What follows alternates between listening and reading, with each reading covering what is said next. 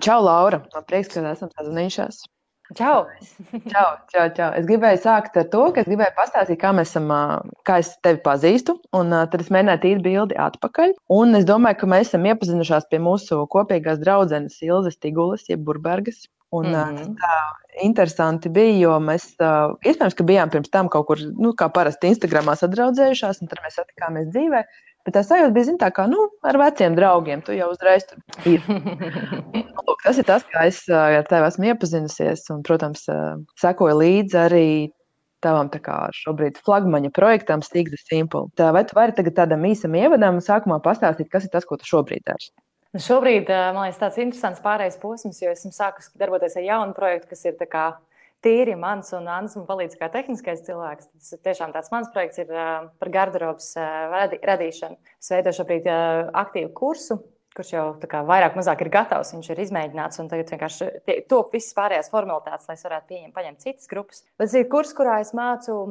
Mācu, nevis mācu, bet laikam tas ir tāds kurs, kurā sieviete var iepazīt un izzināt elementus, kas ir nepieciešami, lai veidotu savu tādu sajūtu apģērbā un stilā, un uh, attīstīt un iemācīties viņu sajust vienalga, kas dzīvē notiek.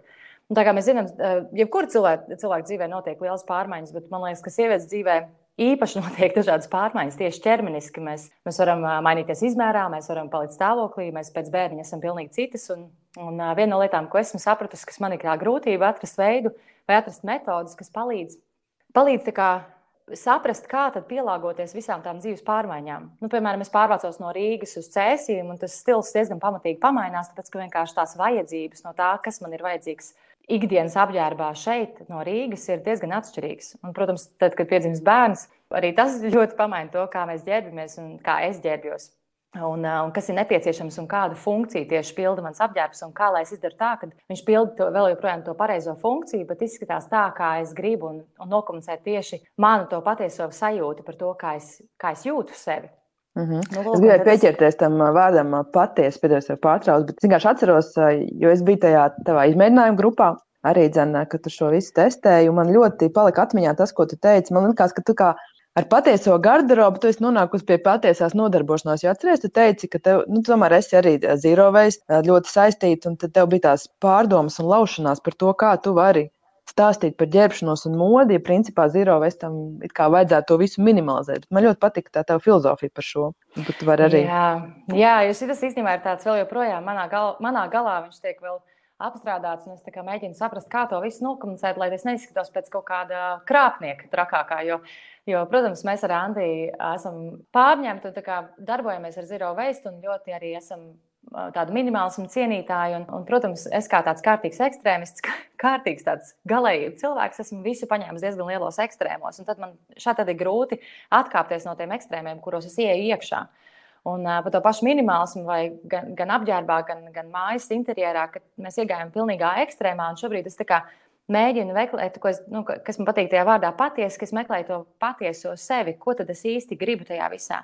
Esmu nenormāli pateicīga un priecīga par to, ka man ir bijis zero waste un minimālisms manā ceļā, tāpēc ka viņš izdarīja. Šis patiesībā ir pirmā reize, kad es to stāstu citiem cilvēkiem. To es to stāstīju tikai savējiem ka es sapratu, ka tas man ir palīdzējis atšķirt pilnīgi visu, kas ir liekas un uzbūvēts no apkārtējās pasaules, kā spiediens, ka tā vajadzētu darīt. Šādi ģērbjās tādas meitenes, šis ir piestāv visām, šis ir modē, šito drīkst, šito nedrīkst. Tavs, tavs ķermenis ir šitāds, vai tavs ķermenis ir pavisam citādāks. Un, man liekas, ka gadu gaitā vis, visu laiku sanāk uzstrādāt un tādu uzdzīvot tādu milzīgu bagāžu un tādu kārtu par to, kā mums vajadzētu uzvesties un kā mums vajadzētu izskatīties, vai kā mums vajadzētu iekārtot mājas. Un uh, minimālisms man palīdzēja atšķirt visu līdz nulai, noņemt no visu lieko, pat to varbūt, kas ir mans, bet es noņēmu pilnīgi visu, lai paskatītos pirmkārt, kā, kā es jūtos tajā tukšumā, un otrs, kā es redzu, kas tad īsti ir manējais. Un tagad, kad es lieku visu atpakaļ, es tiešām es šobrīd diezgan aktīvi domāju gan par garderobas likšanu atpakaļ, par to, kā lai es nokomunicēju nevis tikai minimālismu, bet kā lai es nokomunicēju sevi tajā visā. Gan arī tas saistās ar interjeru, ka man šobrīd mēs pārvācamies, un man ir tāds sajūta, ka es vairs negribu dzīvot tukšā telpā. Es gribu, lai ienākot iekšā tajā telpā, var just, ka tur esmu es, ka tā, tā mana būtība, tā patiesā sajūta ir, ir, ir tur iekšā. Un tā atšķirība šobrīd ir tā, ka es nevis skatos, kā citi Instagramā iekārto mājas, vai ak, Dievs, pasties, cik viņi stilīgi saģērbsies, man vajag arī tādu somiņu. Bet, kad es eju caur to savu, savu dziļo perspektīvu, kas ej cauri sevi, ko es gribu, ko man vajag, kāda ir mana dzīve, kādas ir manas vajadzības, kāda ir mana ikdiena. Un tā ir nenormāli citādāka perspektīva, kā es dzīvoju līdz šim, nu, teiksim, mm. pirms, pirms uh, Zero Waste. Es zinu, ka tu esi um, kā, līdz šai dzīvē diezgan daudz ko padarījusi un pabijusi arī visur citur. Tev tas šobrīd liekas relevanti, tev tas ceļu ir būvējis, un, ja jā, tad varbūt var pastāstīt to. Oh, jā, es tiešām, nu, tīri pavisam ātri, ka kāds ir bijis tas ceļš. Mēs ar Andu esam kopā 12 gadus, un kopumā mēs to ceļu esam gājuši vienlaicīgi kopā uz visādām pusēm, visādiem virzieniem. Par ko esmu ļoti pateicīga un priecīga, ka mums tā ir sanācis. Bet um, mēs no sākuma dzīvojām Latvijā, tad mēs aiz, uh, dzīvojām Amsterdamā. Mācījāmies uh, katrs savā universitātē, bet mācījāmies Amsterdamā kopā. Tad mēs ar eh, Annu katrs bijām aizbraukuši apmaiņas braucienā. Es biju Austrālijā, un Anna bija Hongkongā. Līdz ar to mēs izceļojām to pusi un padzīvojām tajā galā. Tad mēs pabeidzām universitāti Amsterdamā un padzīvojām Itālijā. Esam pabraukājuši visu kaut kur pasaulē, un tagad esam atgriezušies Latvijā. Un man liekas, ka es, es vienkārši ik pa laikam pirmkārt cenšos atskatīties, kas tad ir noticis, kur mēs esam bijuši un ko mēs esam sadarījuši. Un liekas, ārprāts. Tas tiešām ir iespējams, ka man tūlīt paliks 30 gadi. Es esmu bijusi tik daudz kaut kur un tik daudz ko piedzīvojusi, un tās pašas mācības un, un, un viss pārējais. Tas ir pilnīgi noteikti. Es pilnīgi noteikti teiktu, ka jebkura tā sastāvdaļa ir būvējusi kaut kādu diezgan lielu, lielu tādu gabalu no manis šobrīd. Un, ja nebūtu kaut kādu elementu, visticamāk, man kaut kas, kaut kas nebūtu attīstījies tajā virzienā, kuras, kuras esmu tagad. Un kā kļūšana par māmu visu šo ietekmēja? Oi! man tas nāks viegli, tāpēc, kad uh, nu, man tas izsits no sliedēm vienkārši nenormāli. Es tikai tagad varu teikt, ka pagājuši divi pusgadi es sāku justies kā, kā es. Tas laikam noteikti ir garš stāsts un ar daudz jautājumiem. Tā, ja tu gribi ieiet dziļāk, tad mēs noteikti varam tajā visā, visā iedzīvoties. Bet nu, tā nezinu, nevis tā atšķirība, bet teiksim, tā lieta, ko es redzēju, kas varbūt bija tas grūtais posms, tāpēc, bija tas, ka mums, mums ar Andi un man ļoti patika man dzīve pirms tam. Man ļoti patika, kad es vienkārši varēju sakravāt mantas un pēkšņi aizbraukt dzīvot uz Itāliju. Tad mēs paceļojam, tad mēs savācam mantas un atkal atbraucam dzīvot uz Latviju. Un uh, tas viss bija tāds supermobils un superkustīgs. Un es zinu, ka, protams, ka to var izdarīt ar bērnu un tā tālāk. Bet viena no lietām, ko es, kas, esmu, ko es esmu sapratusi, kas man ir nenormāli svarīga, ir, ir mana brīvība. Un, protams, kad tajā brīdī, kad piedzima bērns, brīvība bija viena no lielākajiem elementiem, kas tika ļoti, ļoti ietekmēts un ļoti, ļoti izsists no sliedēm. Nu, es varu godīgi teikt, man tas man pagāja diezgan ilgs laiks. Es saku, tagad, es teiktu, ka gan arī divi gadi, varbūt pusotrs, divi gadi, ka es uh, patiešām pieņēmu to, ka uh, man vairs nebūs vecā dzīve, ka es vairs ne, nebūšu tā vecā Laura. Un pagāja laiks, kamēr es savā jaunajā dzīvē un jaunajā Laurā ieraudzīju daudz lielākas vērtības, un tagad domāju, nē, es, es neko nemainītu. Es pilnīgi noteikti gribētu, gribētu dzemdēt bērnu, gribētu ģimeni un gribētu to visu. Bet, eh, ja tu man jautātu, Nezinu, man grūti pateikt, ko, ko es būtu atbildējis pirms uh, pusotra gada, bet es pusotru gadu droši vien dzīvotu vēl tādā mazā noliegumā par to, ka viss jau būs labi. Bet tagad, skatoties, saprotu, ka tas, nu, man tas ļoti, ļoti, ļoti izsit no sliedēm. Tad, ja tu tā saki, es tagad atceros, ka man bija baigi līdzīgi. Un, un galvenais tas posms tiešām tāds arī, man liekas, vai tie pusotrs vai divi gadi, kad tu saproti, ka viss tā kā bija agrāk, vairs točna nebūs. Un tagad Jā, tikai un, uz priekšu pa jaunam. Un trakākais ir tas, laikam, kad es diezgan ilgi, pirmkārt, nu, mēs jau runājam ar Andi uh, par to, kas ir tā lielākā, varbūt tā nu, ne problēma, tā grūtība tajā visā, kāpēc mums tik smagi kaut kādā ziņā gāja. Bet tas, ka mums bija expectācijas, ka viss taču būs pa vecam, mēs taču varēsim sakrāt pekeles un maukt. Mums taču viss ir kārtībā, bebis pie pupa un viss forši, somā, vantas. To mēs izdarījām ar, ar Meksiku. Un Meksika bija kā, fantastisks piedzīvojums, bet es Nu, kā, es nezinu, es nekad tā nedarītu vēl vienreiz. Tas bija tīri tādā emocionāla veselības ziņā. Tas bija briesmīgi. Un tas ir kaut kas, ko mēs vienkārši aizbraucām pa vecam. Mēs esam pieraduši ceļot ar mugurenēm, un braukt ar autobusu, un piedzīvot visus street foodus un visu pārējo. Un, nu, jā, es biju slimnīcā, ļoti smagu saindēšanos. Mēs, mēs, mēs kaut kādā brīdī pārgurām vienkārši tā, ka es atbraucu mājās, ka man bija Man bija veģetīvās distonijas lēkme, ļoti, ļoti nepatīkama. Un, uh, kopumā es sapratu, to, ka nu, nav, nu, nav tā vecā dzīve, un šobrīd mēs domājam citādāk. Protams, mēs gribam ceļot, un mēs gribam uztēties, bet mēs esam daudz realistiskāki, ka tās lietas nav, nav tādas, kā viņas bija iepriekš. Un viena no lietām, ko es noteikti sapratu, ir tas, ka tad, kad bijām, es biju stāvoklī, es biju pilnīgi pārliecināta, ka es ap četriem mēnešiem sākšu strādāt. Un ka tas viss būs superīgi. Bēbis pie rokas, un viss būs, viss būs brīnišķīgi. Bet tas, ka es, man bija barojušās mammas smadzenes, un es reāli nevarēju neko izdomāt, man bija pilnīgs tup, tupaks galvā. Nu, tā, ka man likās vienkārši pilnīgs caurums. Es nesaprotu, kā bar, kā barojušās mammas spēja kaut ko jaunu izdomāt. Es nespēju klausīties podkāstus, ko es pirms tam klausījos. Es vienkārši neko nesapratu. Es nevarēju lasīt grāmatas, es neko nesapratu. Un, un līdz ar to var iedomāties, cik ļoti tas ietekmēja manu spēju radīt, jo mans darbs ir visu laiku konstanti radīt. Nu, un tad pie četriem mēnešiem, kad es sapratu, ka es vēl četros mēnešos iztos kā četrā, ceturtā mēnesī stāvoklī, man pupi tek. Es vienīgais, ko es gribu darīt, ir gulēt. Es nesaprotu, kā lai es, kā lai es vispār saņemos strādāt un kā lai, kā lai es to visu sakombinēju. Nu, tas bija diezgan hardcore. Mēs ar Andru runājām, ka mēs to ne, neplānojam atkārtot, jo tas, tas, bija, tas bija diezgan neprātīgi. Un pie viena tu teici, ka tev bija diezgan mierīgs bērniņš. man, bija, man bija vienkārši eņģelis. Tiešām, mans bērns ir vienkārši vienmēr gulējis, viņš ēda, mums vispār mums nav, kā, viņam nav alerģija, viņam nav nekāds, nekas. Viņš ir pilnīgs eņģelis, viņš joprojām ir brīnišķīgs. Un es vienkārši, es, ne, es domāju, ka man dieviņš vienkārši iedeva tādu bērnu, kādu es varētu izturēt. Jo bija kaut kāds brīdis, kad nu, man bija, es nezinu, es ne, man nav, man nav slēdziens no psihiatra, bet man bija pēcdzemdību depresija. Es nezinu, mm. cik smagā, smagā, nu, smagā vai vieglā versijā viņa noteikti nebija uz pašnāvības sliekšņa un tā tālāk. Bet bija brīži, kad man vienkārši bija ļoti grūti atrast iemeslu vai motivāciju celties augšā no gultas. Kad tas smagums un tas. Uh, nezinu, tas, tas spiediens ir tik nenormāli milzīgs, ka tev jābūt spējīgai izdarīt pilnīgi visu, ka tev jābūt spējīgai atgriezties darbā un rūpēties par bērnu un simtprocentīgi sakonektēties ar bērnu un just viņu. Un būt kopā un nodoties. Es vienkārši, es, es kaut kādu pusotru gadu dzīvoju ņitut, ņitut. Mm -hmm. Es dzīvoju, tāpēc man, ir, man bija ļoti traucēta.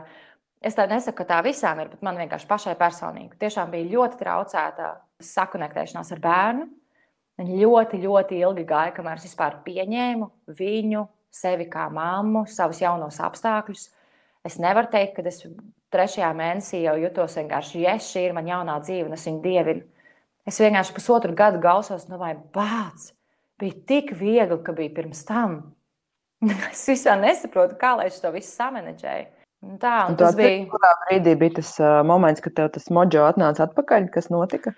Man bija Es, es īstenībā atceros, mēs atbraucām no Meksikas, un tad vēl bija diezgan liels hardcore, jo man bija tiešām tāda, man bija veģetīvā distonija, un man bija nu, tāda sajūta, ka ķermenis vienkārši atbrauc mājās, saprata, ah, mēs esam drošībā, viss kārtībā, viss kārtībā, labi, tagad varam atlaist.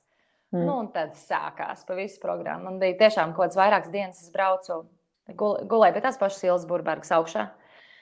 Uh, viņas dzīvoklī nerunāja pilnīgi neviens cilvēks. Man vienkārši man trīcēja rokas, es uh, klauvēju sirds, es nespēju, vispār nespēju teikumu salikt kopā. Līdz ar to bija kaut kāds vairākas dienas, kad es pilnībā atslēdzos un nespēju, ne, nespēju vispār komunicēt ar cilvēkiem. Tad bija kaut kāds ilgs laiks, kad man bija elpošanas problēmas un trauksme un viss kaut kas cits. Un tad es atceros, bija tajā pašā vasarā, mēs aizbraucām uz uguns skolu. Un tā bija pirmā reize, kad es biju bez bērna četras dienas. Mēs esam ugunskolas komandā, un, un mēs līdz ar to braucam palīdzēt. Un, uh, man viss teica, brauc, brauc bez bērna. Vienkārši mēģinām sarunāt ar tēti. Viņš paņems uz četrām dienām bērnu. Tad es jau vairāk nebaroju, līdz ar to tas bija vienkārši. Un uh, es domāju, ok.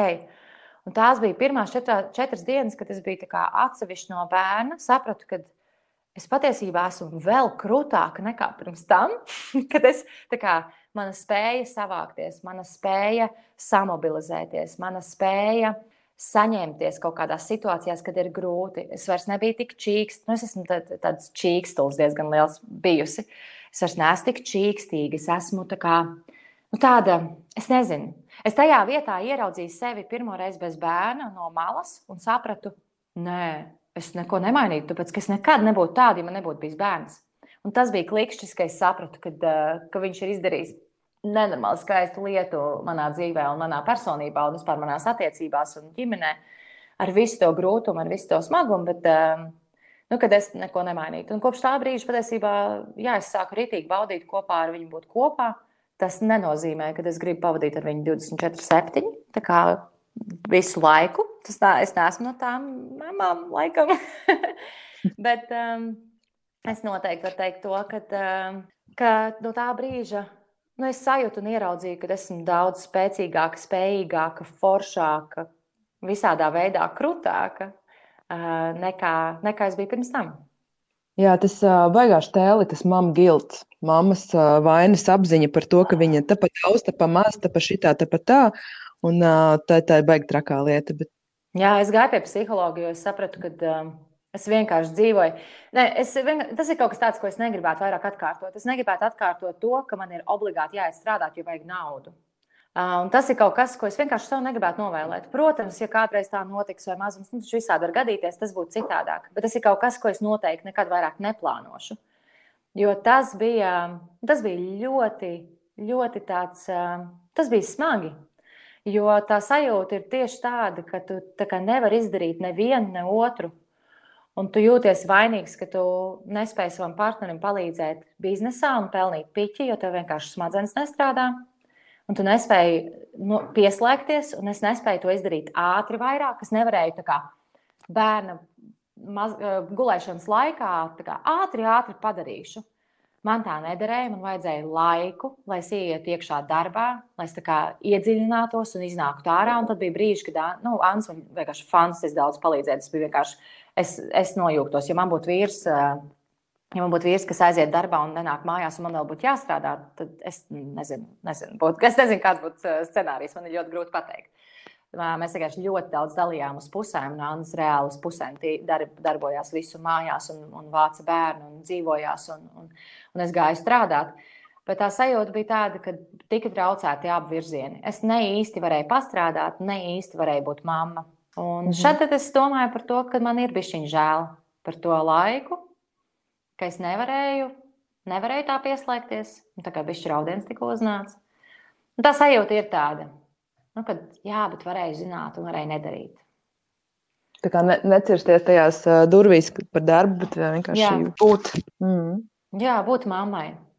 Jā. Un uh, vienkārši ne, necensties izdarīt visu un saorganizēt tā, ka tu vari ļaut sev būt mammai. Tā tagad mēs, mm. uh, es smējos, man liekas, pirmais bērniņš ir tāds super emocionāls, tāds, jā, bebītis, mazs bebītis.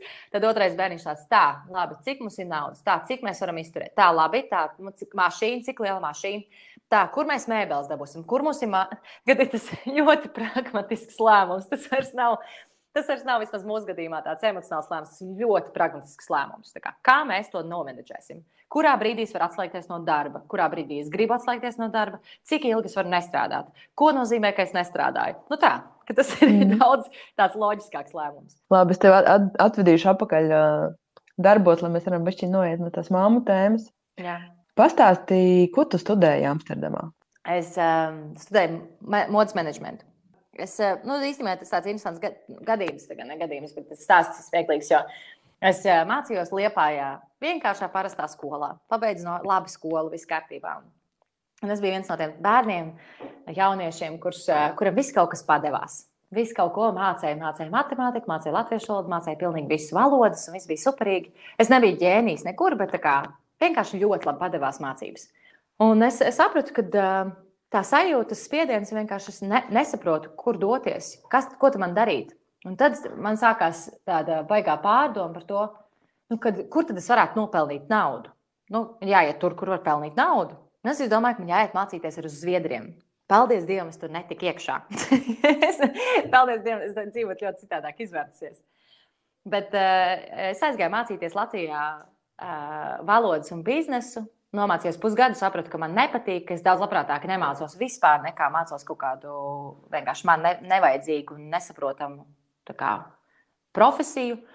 Un es, es pusgadu strādāju, un mēs ar Annu izdomājām, ka mēs brauksim brauksim mācīties uh, kaut kur uz ārzemēm. Mēs meklējām tādas studijas, un tad Nīderlanda bija mūsu variants, tāpēc, ka Nīderlandē mēs zinājām, ka mēs varam dabūt studentu kredītu, jo mūsu vecāki nevarēja atļauties maksāt mums visu skolu un dzīvošanu Amsterdamā, jo mūsu vecāki pelna Latvijas algas, nevis uh, Nīderlandes algas. Mums bija jārēķinās to, ka mūsu vecāki var palīdzēt aizbraukt, bet nu, pēc kādiem trīs mēnešiem mums ir jāsāk pelnīt pašiem naudu, jo viņi vienkārši nevar, nevar mūs nodrošināt. Un, uh, un tad īstenībā Nīderlanda bija ļoti pragmatisks lēmums, ka mēs sapratām, ka vai nu Nīderlanda, vai no nu Anglija, kur mēs varam dabūt grantu un dabūt dzīvot, dzīvot normāli paši. Un es pieteicos ļoti dažādām universitātēm, un tā pieteikšanās modes menedžmentā netīšām. Tiešām netīšām uzskrēja tajā universitātē, un tā universitāte ir super maziņa. Tāpat nav universitāte, tas ir zem augstskolas, tā kā mazs institūts. Viņš saucās Amsterdamas modes institūts.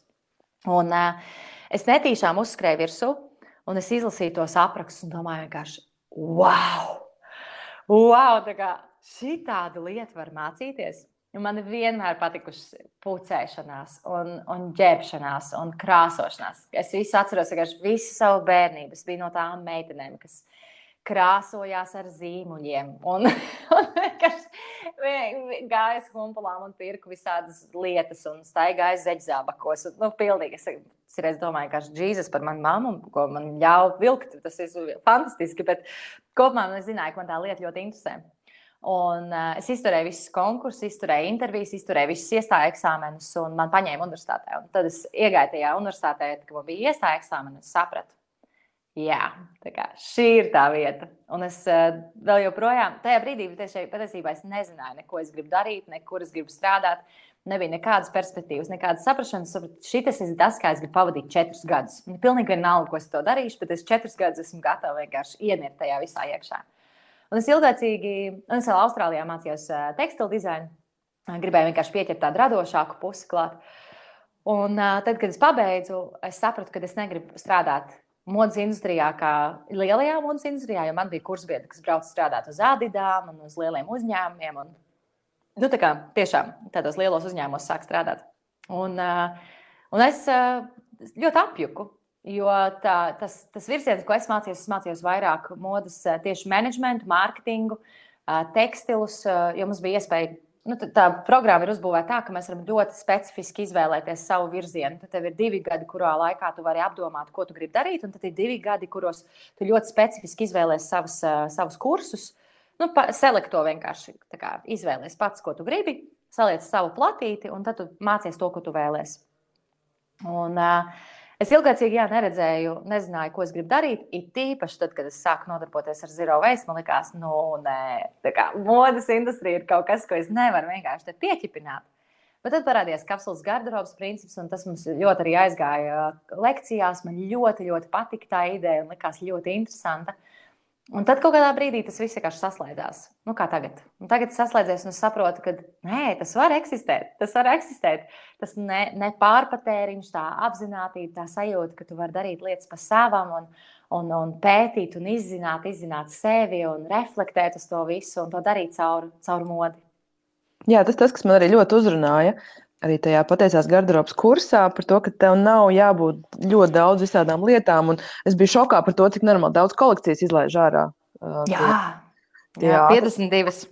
Jā, un es cilvēkiem, kad es pēc tam cilvēkiem jautāju, kā tu zini, cik izlaiž kolekcijas. Viņi saka, nu, nu divas, nu, divpadsmit. Saka, nē, iedomājies, tik, cik mm. vienkārši gadā nedēļu. Un tas vienkārši liekas, nu, protams, neaptverami. Tas Līdz ir, jā. Un es esmu pastrādājis gan, teiksim, gan, pastrādājis, gan arī ļoti, nu, mēs skolā mācījāmies ļoti par modes industriju. Mēs tieši mācījāmies ļoti daudz par modes vēsturi, lai tu saproti, kā tas viss veidojies. Mēs mācījāmies par visu, par lielo ražošanu. Par, par, mums bija, piemēram, kursbiedri, kas brauca. Es neaizbraucu, bet varēju. Vienkārši nebija naudas tajā laikā, bet uh, varēja braukt uz Turciju, uz lielajām ražotnēm un skatīties, kā džinsus ražo un kā tas viss notiek. Tā, tad, ka, nu, mums rādīja to realitāti. Mēs mācījāmies, mums neviens nestāstīja, ka tas ir, tas ir tik skaisti, tas ir viss tikai fashions. Nē. Mums ļoti, ļoti arī liekas, mums bija trīs novirzieni - modes menedžments, modes brandings un, brandings un modes, uh, modes dizains. Un kaut kādos brīžos, kaut kādās vietās mēs kā miksējāmies kopā. Kaut kādos projektos mums bija jāstrādā kopā. Un es atceros, cik ļoti liels spiediens tieši uh, mūsu skola gan nebija, bija vairāk tieši uz to uz komerciālo dizainu bija uz komerciālo pusi virzīta, nevis uz tieši dizainisko, uz kreatīvo pusi. Un es atceros, cik ļoti spēcīgi viņi spied uz to, ka nu, jums ir jāizdomā, kā jūs to pārdosiet. Jums vienkārši ir jāsaprot, kas notiek modes industrijā, jums ir jāsaprot, kā jūs būsiet konkurētspējīgi. Nevis, ka tas ir, es iznāku ārā un domāju, oh, man ir tāda ideja, un tagad es sēžu un uz lakts un gaidu, kā man nāks pakaļ manai idejai. Nē, Mūsu skolā ļoti stingri kā, lika visiem dizaineriem štukot. Jums ir jāatrod partneri, kas to bīdīs cauri, jo jums ir jāatrod veids, kā jūs to pārdosiet. Ja jūs to nepārdosiet, tad nav nekāda iespēja, ka jūs kaut kādā veidā izsitīsieties. Un, uh, tas bija kaut kas, ko caur to visu es vienkārši ļoti, ļoti labi zinu un pazīstu modes industriju. Un es zinu visas tās nesmukās puses, un es zinu, kas tur notiek. Un es zinu, un mums pasniedzēji neko necentās baigi slēpt par to, kas notiek ar dabas piesārņojumu, kas notiek ar darba spēku. Nu tā, kas notiek visā tajā modes industrijā. Un tagad, tu to informāciju zini, ir baigi grūti sevi, kā, nu, vismaz manā gadījumā, tā, es to tā sapratu un izpratu un sajūtu ritīgi, ka tas ir traki. Uh, Es vairs nespēju atgriezties, lai pirktu tādus kvantumus ātrās modes veikalos, kur konstanti tiek ražots vienkārši vājprātā daudz apģērbu, kas ir nekvalitatīvi, kas rada to sajūtu, ka tev visu laiku vajag kaut ko jaunu, ka tev visu laiku kaut kas pietrūkst, un ka tās drēbes nav ilgspējīgi kalpojošas, jo viņas pavisam vienkārši nav domātas tādam virzienam. Viņas ir domātas, lai tu viņus ātri pavalkātu, ātri pamazgātu atdot projām vai izmestu. Kā mēs tagad redzam, Humpalās ir pilnīgi pilns ar ātrās modes veikalu drēbēm, un pirktu jaunas. Tā, tāds ir tas cikls. Tas nav nekādā veidā uh, saistīts ar kaut kādu baigo nu, radošo izpausmu. Tas ir par pārdošanu. Ļoti brutāli, tīru pārdošanu. Mm. Un kāda ir tava vīzija, ja tu domā par savu tādu, nu, karjeras ceļu, to, ko tu vēlēsies tieši darba jomā sevis atstāt? Kas ir tas, Man... kas tev ir tas driving force? Ai, zini, viņš mainās. Bet esmu sapratusi, ka man ir. Es pēdējā laikā tīpaši tagad eju terapijā, un terapē, pie terapeita ļoti tā dziļi sajūtu un, un noticu, ka vienalga, kas man ienāk prātā, vienalga, kur man čūjas saka, ka jāiet, ir jāiet. Un esmu sapratusi, ka kopumā mans virziens vienmēr būs saistīts ar cilvēku vešanu kaut kādā virzienā. Es to darīju skolas laikā, es biju skolas un pilsētas pašvaldības prezidents. Es viņus visus vazāju pa visādiem pasākumiem un taisīju remontus. taisīju projektus, visu laiku viņas kaut kur vedu. Viņiem bija kaut kāds e, entertainments, kaut kādā ziņā, bet tiešā laikā kaut kāda jēga, nu, ka viņi iemācās no tā visa kaut ko. Tad, e, tad es, e, ko es vēl, kaut kur pa vidu kaut ko vēl darīju, bet kopumā viss, ko esmu darījis un kur man ir bijis liels passions, ir, kad es varu vadīt vai nu komandu, vai nu kaut kādus cilvēkus un viņiem kaut ko mācīt. Un es tā domāju, ka kopumā tas virziens droši vien ir tieši tāds, ka es varu ar savu darbu pievienot vērtību citu cilvēku dzīvei. Ka šajā, šajā posmā, es nezinu, kas notiks pēc desmit gadiem, man ļoti grūti pateikt, skatoties, cik ļoti dinamiski viss notiek mūsu dzīvē. Bet kopumā šobrīd es redzu to, ka, ja es ar savu darbu varu palīdzēt cilvēkam kaut ko izdarīt, saprast, iepazīt sevi vai ieraudzīt kaut ko sevi un spēt kaut ko pamainīt, vienalga, kurā virzienā tas ir, man tas dod vienkārši tādu gandarījumu. Tas iedod tādu sajūtu, ka man, no manis ir jēga šajā pasaulē, ir kaut kāda vērtība, ko es varu iedot uh, apkārtējiem cilvēkiem. Bet, kā ir tagad? Uh, jūs, kaut, tu, jūs, jūsu komanda, uh, kaut kādas lietas, ko jūs reāli paši arī praktizējat. Jūs arī piedāvājat, piemēram, tas, e, par ieradumiem, garderobi. Kā tās idejas pie tevis atnāca, saprot, oh, šis ir kaut kas, ko es daru, ko es varētu pastāstīt citiem. Jā, īstenībā tas tieši uh, mums ir tā, ka mēs, ar, mēs esam ļoti priecīgi, ka mēs esam izveidojuši tādu ļoti foršu komunu. Es negribu viņu saukt par sekotājiem, ja tie nav sekotāji, tā ir tāda komūna, uh, Sigda Simpla, ar kuru mēs kopā patiesībā reāli dodamies ceļojumā. Uh, Mēs sākam ar kaut kādu vienu virzienu, un viss, kas mums paliek tajā brīdī aktuāls, mēs tā kā piedāvājam cilvēkiem un saprotam, vai viņiem arī tas interesē. Un, ja viņiem tas interesē, tad mēs varam radīt materiālu kaut kādā. Nu, tas vairāk, mazāk kā mēs veidojam projektus un veidojam tādas li lielas idejas. Mēs vienmēr uzticamies tiem apkārtējiem saviem cilvēkiem, ka, ja mums ir interesanti un viņiem ir interesanti, tad jau, tad jau viss aizies. Mēs nekad neesam neesam sēdējuši un nav tāds baigais, tāda milzīgas biznesa, tādas, jā, un te ir stratēģija. Mums, protams, ir stratēģijas, ir savu veidu, kad mēs ir strādājam mārketingu, protams, ka mēs ļoti daudz tādas lietas mācāmies un darām. Bet tas nekad nav bijis tādā, nu, ka šis ir tas, ko mēs darīsim. Jo mēs esam sapratuši, ka mums tās, tās lietas, ko mēs mācāmies, un tas, kas mums ir aktuāli, viņas mainās. Un tad, kad viņas mainās, mēs esam ļoti priecīgi, ka cilvēki pamainās kopā ar mums. Ja tas sākās, piemēram, ar tādu ļoti uh, izteikt teiksim, par zero waste. Mums tas bija kaut kāds laika posms. Es ne, es vienkārši tas ir vēl joprojām, kur mēs, mēs, mēs vadām, vadām lekcijas uzņēmumos lielākoties par to. Un tas ir kaut kas, kas vienkārši lēnām, kā, es neteiktu, zaudēja aktualitāti, bet mēs joprojām dzīvojam pēc tās, pašiem principiem. Mēs darām visu kaut ko, mums ir pamainījies varbūt tas virziens, kā mēs darām, vai tas tās ekstremalitāte, cik mēs darām to. Bet, jebkurā gadījumā tas kā, mums ir aktuāli, bet Tas ir palicis kā tāda ikdienas darbība, kā iet dušā un mazgāt matus. Un man ilglaicīgi stāstīt, kā es eju dušā un mazgāju matus, nu, vienkārši paliek garlaicīgi. Liekas, tāds, nu, ok, es tā kā trīs gadus jau jums stāstu, kā iet dušā un mazgāt matus. Tas viss kaut ko var stāstīt par matu mazgāšanu. Bet ir kaut kāds brīdis, kad saprotu, ok, nu, tā kā matus esmu iemācījies mazgāt, varētu doties kaut kur citur.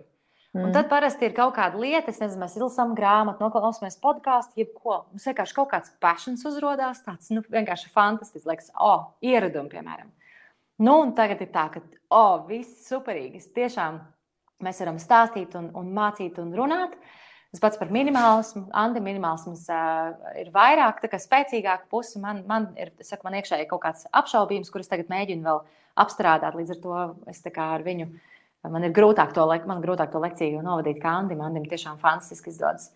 Un kopumā mēs tiešām vadāmies pēc tām sajūtām, kas mums ir aktuāli. Piemēram, tā garderoba, tas bija tī, pilnīgi mana aktualitāte.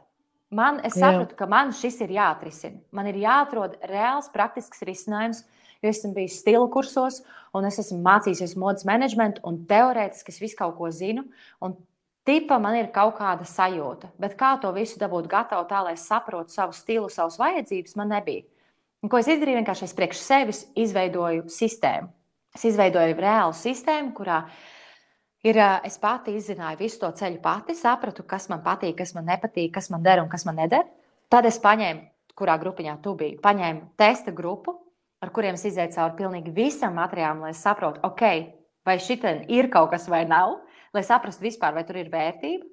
Nu, un tad, kad es sapratu, ka tie rezultāti ir fantastiski, tiešām nu, ka tas, ko es gribu dabūt, ir uh, nevis meitenes, kas tur staigā pa veikaliem un cacojās, bet ka viņas ieriet veikalā, viņas neapjūg tajā piedāvājumā un zina, ko meklēt, un zina, kas viņām patīk, un zina, kas viņām ir nepieciešams, un zina, kas pilnīgi noteikti nav nepieciešams. Un tas man iedod tādu sajūtu, ok, tad, tad šī to var darīt. mm. Tas beigas incidents, ko tu pieskāries, ja tā ir tā kopiena, tā komūna, kas iet tev nav kopā ar tevi. Jo es kaut kādā mērā arī māmu kopstrādes grupā to jūtu, ka es jau arī augu. Teiksim, man, kad es viņu izveidoju, man bija svarīgi, ka man ir mazs bērns, un es varu socializēties. Un tagad jau man ir tā, ka es esmu jau pārkāpusi šim slieksnim, vai darīt, bet es jau esmu jau darīt. Un tāpat arī visi, kas aug kopā ar mani, viņi jau dara, un tagad jau mums ir vajadzīgi plāni, idejas, kā to visu kā, jau, jau īstenot. Un tas pats arī, mm. kā tu saki, ka tu, nu jā, kāda aktualitāte tev tajā brīdī dzīvē ir, to ieliec klāt. Un tas man liekas, ka beigas interesants veids, kā veidot tādu jauno biznesu. Jo tas nav tā, ka tu ražo riepas un ražos to 50 gadus, bet tu reāli inovē visu laiku, audz līdzi inovē savus produktus. Un ir tīpaši cilvēkiem, kuri izjūt sevi kā tādu ļoti dinamisku. Piemēram, ir cilvēki, kuriem viņi grib izražot riepas, un viņi ir laimīgi, ka viņi 50 gadus var ražot riepas, un viņiem nekas nav jādomā cits.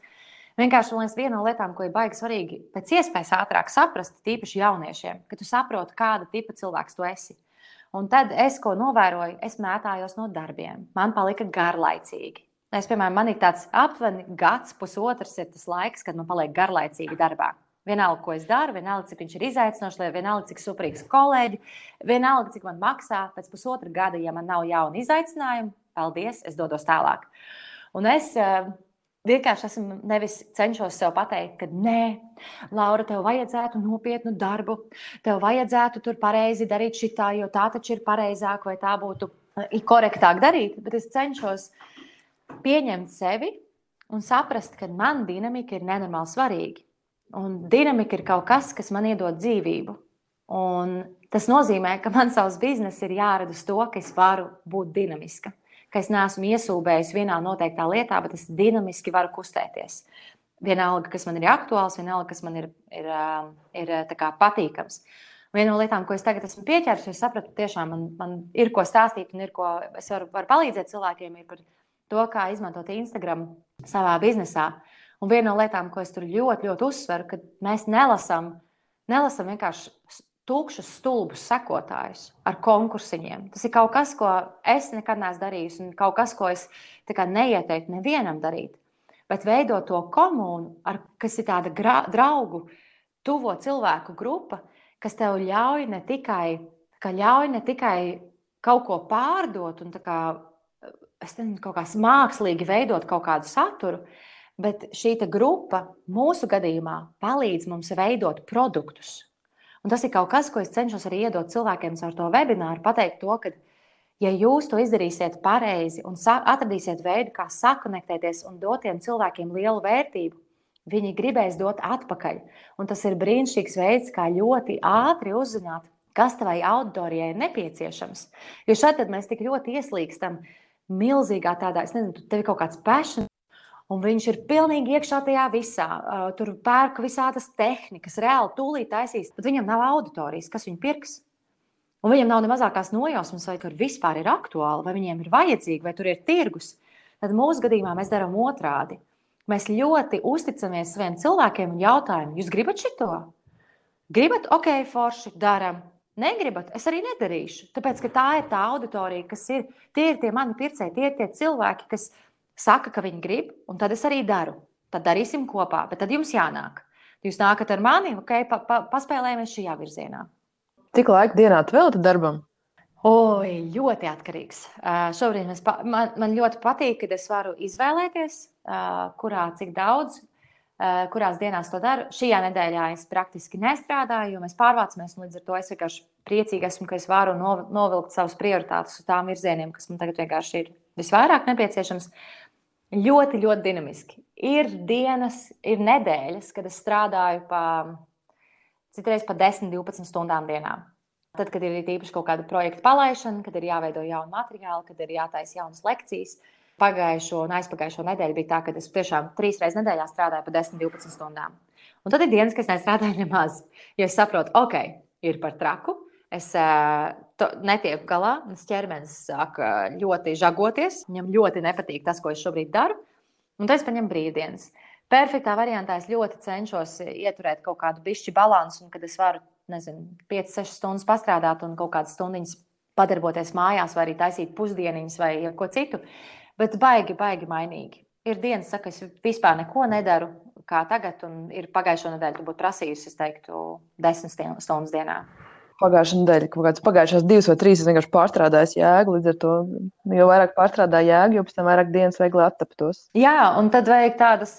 Nepietiek ar vienkārši pasēdēšanu mājās. Tad mēs, piemēram, man bija trīs ļoti smagas dienas. Tiešām katru dienu kāds pa 12 stundām strādāju. Un tādas, ka tā nepaņem, nu, es paņemu, protams, pusdienu pauzi, bet tādas domājošās, kur tev jārada materiāls. Un tas ir ļoti smadzenēm intensīvs process. Mēs esam izstrādājuši, protams, savus uh, ieradumus un savu ikdienu tā, lai viņas man palīdzētu nenojūgties un, un parūpēties par savu ķermeni tā, lai viņš nesabrūk dienas beigās. Līdz ar to, to es esmu iemācījusies izdarīt.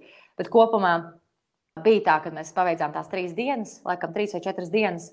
Un tad mēs ar Annu divas dienas dzīvojam mežā, jo tu nespēji vispār nekādu kairinājumu, tu nespēji uzņemt ne, nekādu komunikāciju, nekādu kairinājumu caur telefoniem, caur darbu. Uh, un tev jāskatās mežā, ugunī, jācep pankūkus un jāiet likam peldēt. Tas ir vienīgais, kā tu vari atgūties. Mm. Šis izklausās tik forši. Es, es savā ziņā gaidu, kad es vairs nebarošu savu mazāko bērnu, bet es viņu nu, barošu, cik varēšu. Bet tajā brīdī, kad es to vairs nedarīšu, kā es aizbraukšu prom uz kādām trim dienām, vienkārši viena pati. tas ir kaut kas, kas tik ļoti, jā. ļoti pietrūkst. Jā. jā, tas ir kaut kas, kas es sapratu. Nu, man, man ir rītīgi sit ārā no sliedēm, un es nevaru saprast, Es mēģinu, nu, protams, nav jēgas domāt kaut ko pirms, eh, pirms viss ir noticis, bet es domāju par otro bērnu, kā tad, kā tad es darītu citādāk. Un tā, un, protams, ka bērni atšķirās, un man vispār negribas pat uh, kaut ko spriest un izdomāt ar visu. Bet kopumā viena no lietām, es domāju, kā es varētu sev iedot to, spē, to brīvību un to spēju izbraukt ārā, tad, kad es baroju. Varbūt, varbūt vienkārši dažas dienas iedot pudelīti. Varbūt tas nav nekas briesmīgs. Varbūt nevajag visu pa simt procentiem. Nu, man iekšā ir tāda iekšējā diskusija, domāju, Jo es nocietos jā, līdz pusotram gadam, un tad, kad bija, tad, tad, tad bija kraks. Nu, kā, es sapratu, ka tad jau bija par tālu. Man vajadzēja ātrāk sev iedot divas naktas pagulēt vienai pašai, neaiztiktai un nezinu, neceļoties piecas reizes naktī, nebarojot bērnu. Mm. Klau, es jau gribēju mazliet te pajautāt. Um, Man vienkārši baigi interesanti tas, ko tu stāsti. Tas varētu nu, kā, nu, cilvēkiem rezonēt arī ar to, to ceļu, kā viņš veidojās. Un, ja tev būtu jāiezīmē tagad uh, trīs pagrieziena punkti kaut kādā pēdējo desmit gadu laikā, kas ir tevi noveduši tur, kur tu esi šobrīd. Jo es pieļauju, ka nu, sākot ar tās pašas Amsterdamas studijas, tu nekad nevari iedomāties, ka tu nonāksi līdz patiesai gardrobai, jo tas vienkārši nu, solis pa solim veido. Kas ir tās trīs pagrieziena lietas, kas tev ir notikušas, kur zini, ka tas ir tevi ļoti veidojis tavā karjerā? tavā sapratnē par to, kā tu dari? Nu, viens ir, nu, droši vien tie paši, ko es stāstīju, tad viens noteikti pagrieziena punkts ir dzīve Amsterdamā un ārzemēs. Manā gadījumā tas iedeva ļoti lielu spēju domāt plašāk.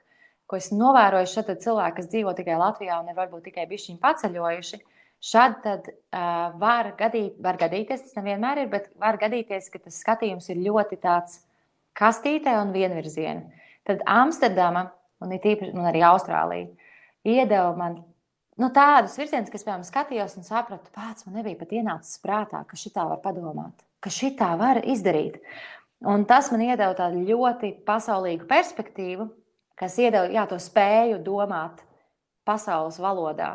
Teiksim, vienalga, ko mēs radām, mēs radām domu, ka mēs vienmēr viņam varam, varam laist, laist uh, internacionāli. Tas, tas ir mūsu virziens vienmēr. Kad tu kaut ko radi, ok, fine, tad šito mēs laižam. Ja, ja kas, ja mēs gribam, mēs vienmēr viņu varam pārbrendot un pārtaisīt pasaules līmenī. Ka tas nav tāds, mēs te Latvijā. Tas ir pirmais pagrieziena punkts. Nu, labi, tad droši vien ļoti stereotipiski. Droši vien viens uh, būs pirms bērna piedzimšanas. Pirms tas bija tā, noteikti zero waste minimālisms. Kā jau teicu, man tas iedeva Tas man iedeva pirmkārt patestēt, eh, cik ir tas minimums, cik ir tas bišķiņš, cik es varu iztikt. Tas bišķiņš ir ļoti mazs. Eh, es sapratu, ka ar to var, es varu mierīgi iztikt ar ļoti maz, un kas man iedeva to brīvības sajūtu, ka man patiesībā nevajag daudz. Man, es varu gribēt daudz, man ir kaut kāda brīža, kad man, man būtu forši, ja ir daudz, bet es zinu, ka es varu izdzīvot ar ļoti, ļoti maz, kas iedod brīvības sajūtu teiksim, tādās krīzes situācijās. Manā gadījumā tas tiešām strādāja kā tāds nezinu, kā skrubis, kas vienkārši noskrubēja visu lieko un atstāja mani pliku. Reāli pliku. Un tad es viņu būvēju sev atpakaļ, kas man ir nepieciešams. Un trešais, nu, protams, bērnu piedzimšana. Man liekas, droši vien, ka viss, visas mammas to saka. Tas bija ļoti smags pagrieziena punkts. Es, es taču nebiju domājis, ka būs tik traki. Es tik ļoti gribēju bērnu. Es gribēju bērnu kaut kādus desmit gadus, man liekas, jau pirms tam. Es sapņoju un spiedu Andi un dīcu viņam, ka mēs mums vajag bebīti un vispārējais. Paldies Dievam, ka tas notika tad, kad tas notika, jo es nezinu, man grūti, protams, pateikt, kā tas būtu, ja es būtu jaunāka. Bet, uh, lai cik ļoti man tas izsit no sliedēm, tas man ir iedevis kaut ko tādu. Es ik pa laikam meitenēm, viena draudzene, kur tagad it kā gatavojās, bet viņa tāda karjerista, viņai šausmīgi bail no tā, kas notiks, ka viņa paliks stāvoklī. Un es, es viņai es cenšos būt realistiski un stāstīt nevis pasakas, bet reāli. Es saku, jā, tas izsitīs no sliedēm. Bet man ir tāda sajūta, ka tas, ka tas bērns un tas, cik ļoti, cik ļoti tev var piespiest, piespiest savu ego saplēst tik smalkos gabaliņos, kā, kā neviens. Es nekad mūžā sev neko tādu nenodarītu pati. Nekad mūžā. Man, man sevis būtu žēl. Un man Ans, Ans klausījās vienreiz, mēs vienu podkāstu klausījāmies, un tur bija viens džekiņš, kas bija prasījis kaut kādam tur zen budistu, kaut kādam džekam, ka jā, viņam tur ir mazs bebīts piedzimis, un kā viņš varētu izdarīt tā, ka viņš tiek uz to workshopu kaut kādu tur pasaules un, un aizbraukt tur izglītoties. Un tas zen budists teica, ja, ja jūs kādreiz spētu saprast, cik liels skolotājs ir zīdainis, jo pie zen budista tev, ja tev būs slikti, nu, tad pamosties, tev slikt dušu caurei. Tu mierīgi vari palikt gultā. Pamēģini palikt gultā ar trīs mēnešu vecu bērnu. Nu, trīs, labi, sešus mēnešus. Trīs viņš vēl guļ. Sešus mēnešu vecu bērnu. Pamēģini pateikt, man ļoti nāk miegs. Esmu ļoti, ļoti saguris. Tagad es necelšos. Un tad viņš teica to, ka mazs zīdainis, mazs bērns patiesībā ir visstingrākais, vis, visbrutālākais skolotājs, kādu mēs jebkad mūžā varētu iedomāties, jo mums, mēs to nekad nenodarītu sev paši. to, nu, kā, mēs nekad sev ne, tādam miega trūkumam neliktu dzīvot cauri. Mēs nekad. Nu, kā, bet tajā pašā laikā es nekad neiepazīstu šo, šo pusi. Es nebūtu iedomājies, ka es esmu tik, tik spējīga izturēt lietas, nu, tik stipra un tik spēcīga. Es to nekad nebūtu izdarījis, jo es nekad nebūtu sev tik tālu aiztestējusi. Lieliski! Paldies! Tev es arī pati aizdomājos par visu kaut ko, bet arī ļoti liels tev paldies par atklātību un, un par šo sarunu. Jā, paldies tev! Es, es jau tev teicu, ka mēs runājām par to, ka vajadzētu. Es, saku, man ir, es ļoti gribu pastāstīt kaut kādas tās sajūtas, bet man nav vienkārši radusies platforma, jo man nav man nav platforma, kur par to parunāt. Es teicu, super, es ļoti labprāt parunātu, cik svāgi ir strādāt un būt ar zīdaini. Tā kā ļoti realistiski, nevis tur. Mm izdomāt kaut kādas. Bet, uh, Man ļoti patīk, ka to ļoti eh, smuki spēj noformulēt vārdos, jo es domāju, ka mēs ļoti daudz par to domājam. Eh, ļoti, nu, man ļoti norizonē. Nu, ne viss man var, nebija tik varbūt smagi, bet daudz lietas, kas man norizonē. Un ļoti smuki to salikt vārdos. Lai mēs varam arī ķert to ideju, kas ar mums notika. Jā, terapija palīdz. Mhm. terapija ļoti palīdz. Jo es tādu, ka, es, ka man bija viss, nu, tiešām bija, tā, ka, man liekas, Rūda bija kaut kāds seši mēneši. Es sāku iet pie psihologa. Un tad es sapratu, ka manā gadījumā terapeits, un arī šobrīd terapeits ļoti palīdz uh, iztulkot to, iztulkot tās sajūtas, ko es jūtu, citiem saprotamos vārdos. Vienalga, kas tas ir. Tas nav tikai par bērnu lietām, bet piemēram, arī tagad man ir kaut kādas sajūtas, kuras es nespēju nokomunicēt savam vīram. Mēs laikam strīdamies par to. Man liekas, tāds bāds, bet es tā kā, tā kā cenšos pateikt, kas man ir tur svarīgi, vai ko es māku, vai ko es nevaru, vai ko es noteikti negribu darīt. Bet kaut kā mums sanāk sastrīdēties. Līdz brīdim, kad es to izstrādāju savu terapeitu, viņi man iedod vārnīcu, kurā viņi pasaka vārdus, ar kuriem es stāstu pēc tam savam vīram, un viņš pēkšņi saprot. Un man liekas, wow, cik forši, kad ir cilvēks, kas palīdz iztulkot to tavu sajūtu citiem saprotamā valodā. Un tad, tad tur tajā gadījumā es, es sirsnīgi ieteiktu visām mamām, lai es vispār visiem cilvēkiem kaut kādā brīdī noteikti paiet terapijā. Eh, terapija ir fantastisks veids, kas palīdz sakārtot visu pa plauktiņiem un saprast, ka tu neesi nojūdzies, ka tev viss ir kārtībā, tu neesi, tu neesi traks, tu neesi arī šausmīgi īpašs ar to savu sāpi. Tu esi tieši tāds pats kā lielākā daļa. Un kaut kā iedod to empātiju, kad saproti, ka ir grūti, saproti, ka ir tik sūdīgi. Tas ir kaut kas, kas man ļoti, ļoti palīdz terapijā. Mm. Jā, paldies, tev, Laura, liels par, par šo sarunu. Paldies, tev! Tiešām!